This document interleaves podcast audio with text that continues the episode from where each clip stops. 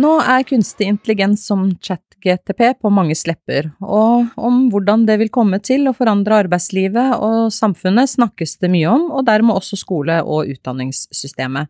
Skal lærere og andre skolefolk frykte denne teknologien, eller kan den også gi noen gode muligheter i undervisningen og for elevene, eller hvor går balansen? Dette skal vi snakke om i denne episoden av Lærerrommet, velkommen inn hit, jeg heter Vigdis Salver. Og jeg heter Arun Gaars. Elever har allerede blitt tatt i juks etter å ha brukt denne teknologien på tentamen, og Utdanningsdirektoratet vil stenge internett under eksamen for elever i videregående skole som hittil har hatt tilgang.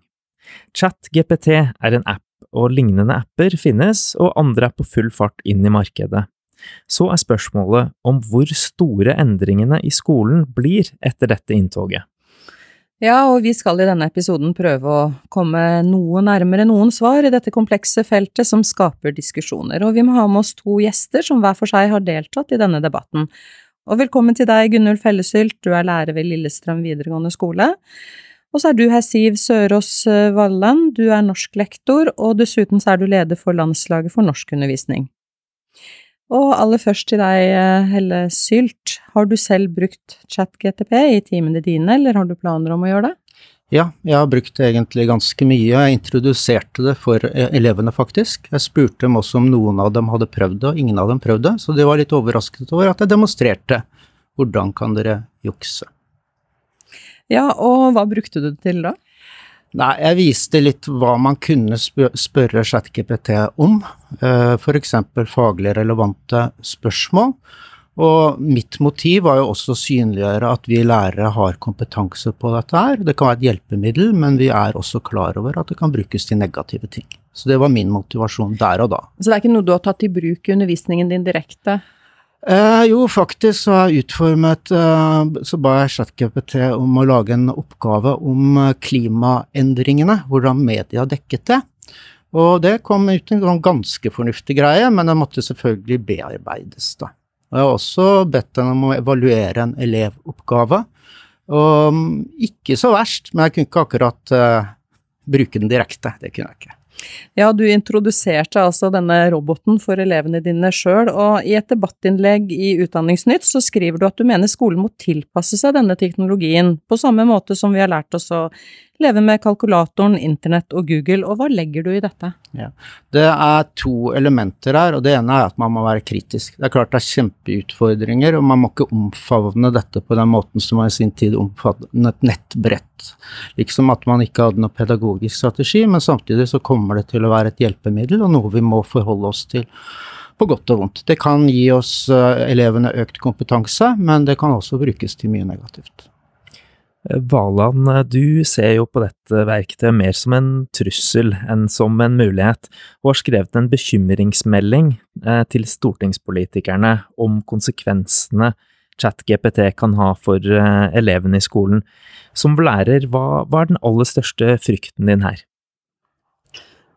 Ja, jeg må jo få lov til å først si at jeg ser jo også masse muligheter her, og jeg er også veldig opptatt av teknologi i klasserommet og i norskundervisningen. Jeg var også veldig åpen med elevene om ChatGPT når, når, når, det kom, og vi har jobba veldig masse med det i klasserommet. Veldig mye sånn, ja, refleksjonsoppgaver og Men det, var ikke, det, var ikke det jeg skulle svare på nå, for det du spurte om, det var hva jeg frykter, eller hva som er bekymringen. Bekymringen er jo at det kan bli vanskelig å ivareta elevenes øving i skriving, i skriveferdigheter, at det kan undergrave en del elevers trening i å, å skrive. Ikke alle, men, men, noen. Det er alltid noen elever som har lettere enn andre for å ta, velge snarveier som, som kan undergrave læringen deres, da. Og det er, en, det er en bekymring. Og i norskfaget så har vi òg lenge strevd med oversetterprogrammer og plagiering og så og det er jo ikke fordi at, at elevene slemme eller noe sånt, men de, de, er jo Mange av de er veldig stressa, og de har mye press på seg, og, og, og blir òg pressa til å Eller kan bli pressa til, til, å velge uheldige snarveier, da. Det Sånn har det jo vært lenge. Så jeg ser jo på dette som liksom et nytt steg i den uh, ja, i den samme rekka av problemer, uh, da. Men, men, jeg må jo få fremheve at jeg på ingen måte er imot verken teknologi eller kunstig intelligens i klasserommet, sånn som noen har mm. prøvd å fremstille det. Du var innom dette her med plagiering, eh, og, og juks blir jo nevnt som ganske sentralt blant flere som frykter konsekvensene. Vil ikke du som lærer likevel klare å avsløre juks hvis en av dine elever bruker chat-GPT i sin besvarelse? Nå har jeg ikke vært så veldig opptatt av juks da, i eh, denne saken her. Det er mer, eh, det er mer den daglige undervisningen og, og treningen, der, der, elevene faktisk lærer noe. Det, det, er jo de situasjonene som er viktige eh, å, å, å verne om, da, tenker jeg. Så så jeg har ikke snakka noe særlig om juks i, i, denne settingen her, og vi jobber jo også sånn i norskfaget at eh, vi har ikke så mye sånn type formelle eh, vurderinger. Eh, de skriver, og vi vurderer underveis, og de jobber i prosess. Eh, så mm, ja, akkurat eh, juks og jukseproblematikk er litt eh, Det er ikke det viktigste her, tenker jeg. Det er, det er at de fortsatt får den gode treningen i, eh, i den viktige skrivinga som, som, jeg tror på at de trenger, da. Ja, Hellesylt, hvordan vurderer du disse utfordringene med ChatGTP, som eh, Valand her eh, nevner?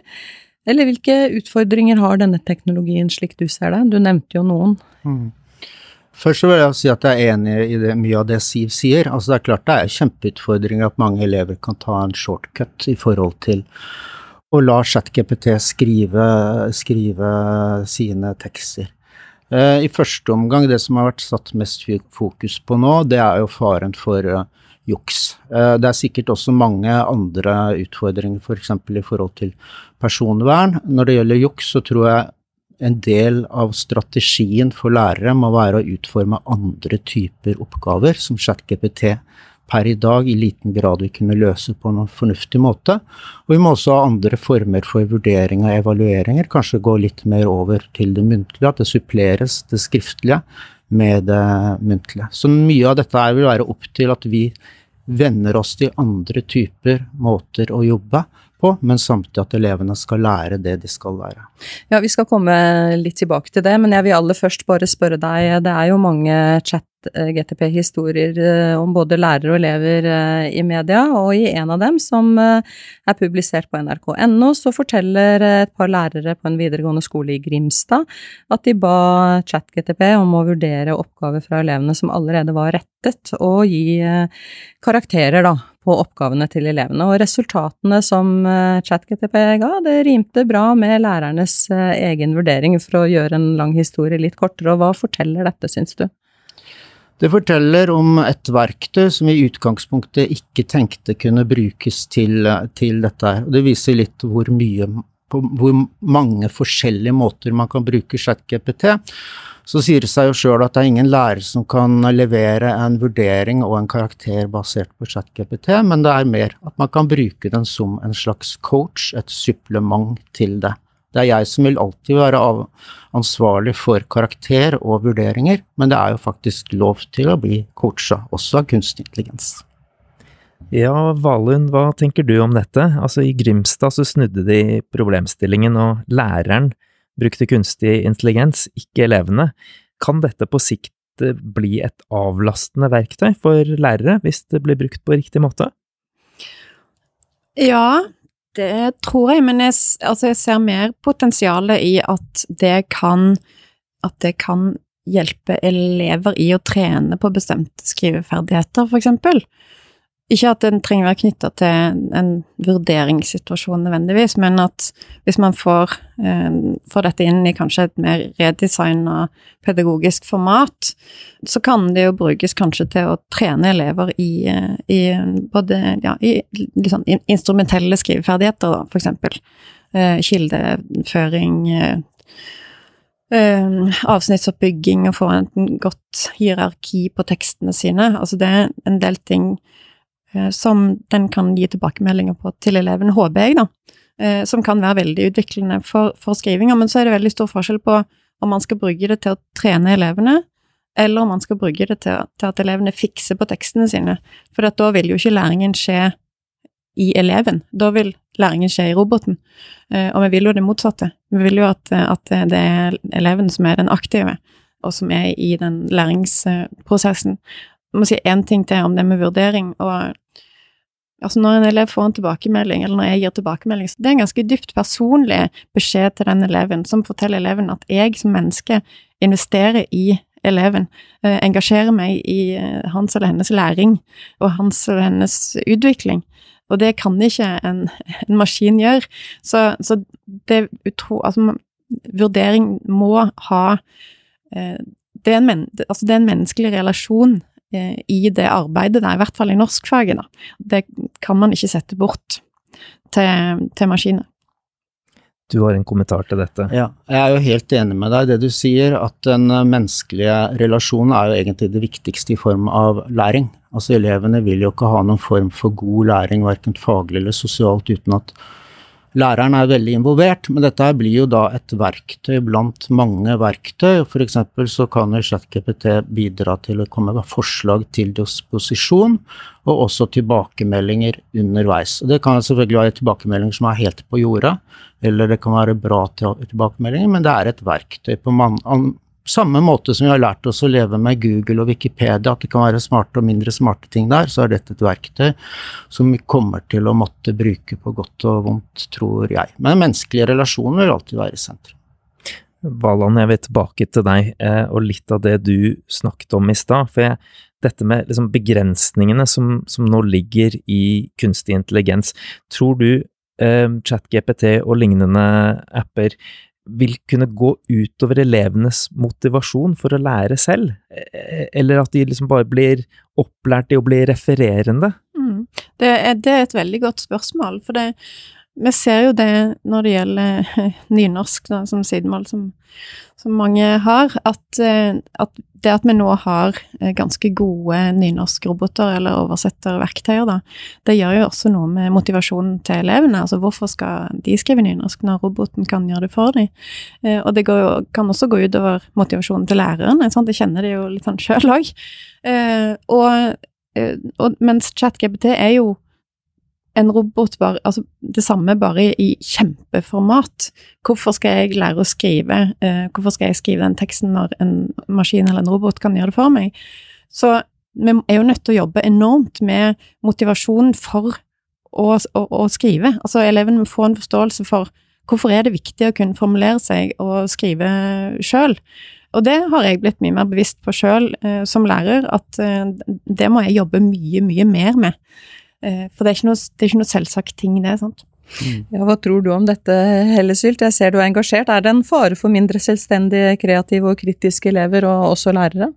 Eh, det er vel egentlig både ja og nei, for å si det sånn. Selvfølgelig så vil dette her bli misbrukt, og i noen tilfeller gi en lavere læringseffekt, men det viser seg at skolen har klart å tilpasse seg et stykke på vei stadig nye teknologier, fra vi gikk tilbake til kalkulatoren, som egentlig kan gjøre hele regneprosessen uten at vi trenger å bruke hjernen vår annet enn å slå inn tallene, og siden uh, internett og alt det som har fulgt med det. Og vi har lært oss å leve med det. Vi lever til tider dårlig med det, men vi lever med det, og vi må hele tiden ha strategier for å forholde oss til det. Og nå har vi en kjempe kjempemulighet nå, og det er at vi er tidlig i løpet av dette her. Skolen har ligget bakpå omtrent på alle teknologiske områder hele tiden. Vi har kommet løpende etter, og nå er vi på starten av noe nytt som vi ikke veit hvor kommer til å ende i det hele tatt.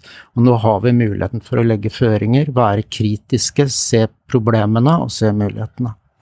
Ja, digitale verktøy i skolen er jo langt fra noe nytt, og mange av de kan jo også være til hjelp for elever som kanskje har faglige utfordringer. Og tror du Helsilt at denne teknologien kan komme til å være eller bli en hjelp for elever til en bedre faglig forståelse, hvis det blir håndtert på en riktig måte? Uh, ja, det tror jeg. Uh, det er selvfølgelig umulig å si hvordan framtiden blir, men jeg ser for meg at noen elever kan få en mer individuell tilbakemelding. Og nå kan jo det misforstås at jeg som lærer ikke vil lenger vil følge opp elevene, men det er ikke det jeg mener. Jeg har 30 elever i et klasserom, og det har sikkert du også, Siv. Og da er det litt begrensa hvor mye i løpet av en økt man kan gi, og så må vi hele tiden brife elevene. Dette her er en maskin som snakker til deg. Altså, Du må ikke tro at det er et menneske hvis du opplever at ikke noe er korrekt, men da lærer vi dem også til å bruke den på en fornuftig måte, på samme måte som vi har lært dem å bruke, håper jeg i hvert fall, Google og andre arenaer kildekritisk, at de klarer å skille Clinton fra hveten. Ja, det var en, en positiv, eh, noen positive forhåpninger, men mange mener jo at kunstig intelligens i skolen vil tvinge fram en helt annen måte å legge opp undervisningen på. Um, Valand, tror du det som skjer muntlig i klasserommet kommer til å bli viktigere enn det skriftlige framover på grunn av dette her?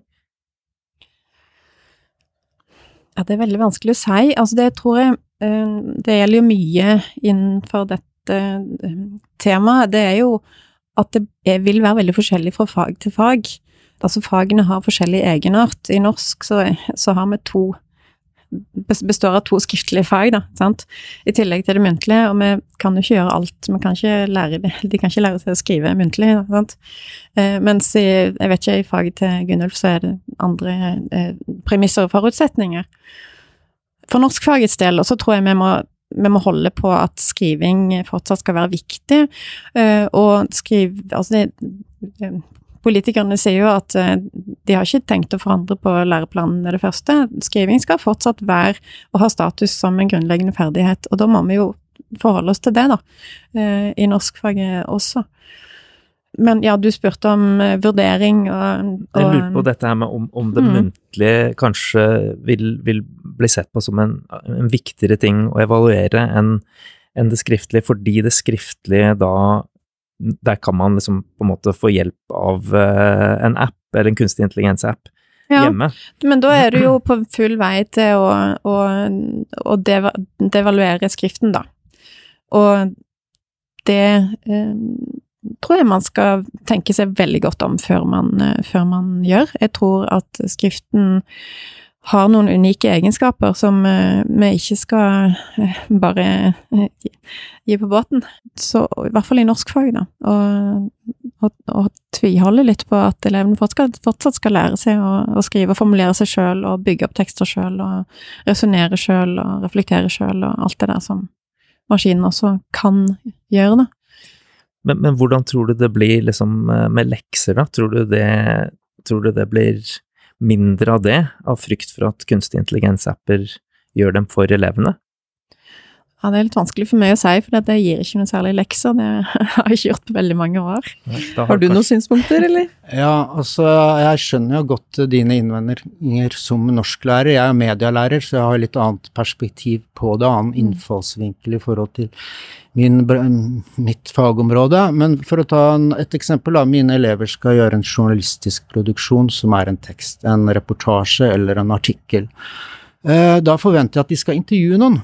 Og de skal ha noen kilder, og de skal finne noen fakta, og de skal oppgi hvilke fakta de har, og de skal kanskje ha en muntlig faktakilde i tillegg til de ungdommene de intervjuer. Det er ikke så vanskelig for meg, men da snakker jeg kun ut ifra meg, hva jeg tenker, og finne ut er dette reelle personer de har intervjuet, hvor er bildet av dem? Kan få kontaktinfo osv. Så, videre. så en del sammenheng så kan vi faktisk finne ut av er dette her gjort av eleven, eller er det gjort fra denne chatboten som uh, har basis i USA et sted. Ja, Vi er jo inne på nå noe som jeg har savna litt i debatten, og det er jo nettopp det at uh, de forskjellige fagområdene uh, bør få større mulighet til å definere både mulighetene og problemene. Eh, det er mye sånn fagovergripende diskusjoner eh, med mye løsninger om at man må gjøre sånn og sånn, eh, men det eksempelet med muntlig, da Vi jobber jo masse muntlig i norskfaget, men de har jo en egen karakter i norsk muntlig, og det er egne kompetansemål på det muntlige. Men så har vi også det skriftlige, sant. Så ha litt respekt for hverandres, hverandres fagområder, og hvilke muligheter og hvilke problemer som kan oppstå i det enkelte fag, da. Har dere som er lærere, Hellesvild, fått noen føringer fra rektor eller skolemyndigheter på hvordan dere skal takle bruk av ChatGPT og andre tilsvarende apper i klasserommet? Noen detaljerte føringer har vi ikke, men det har vel vært signalisert en positiv innstilling i forhold til at dette må vi forholde oss til, og det kan være muligheter eh, der. Men jeg savner jo egentlig at uh, vårt utdanningssystem nå tar uh, tak i dette her. Altså, da mener jeg ikke negativt, men både kritisk og konstruktivt. Begge deler samtidig. Så vi ikke kommer bakpå, for nå er det opp til den enkelte lærer nærmest. Vi flyter i vår egen dam og håper at vi av og til kan snakke sammen. Hva tenker du, Hellesylt, at er det viktigste for lærere å få kunnskap om eller avklart når det gjelder denne teknologien?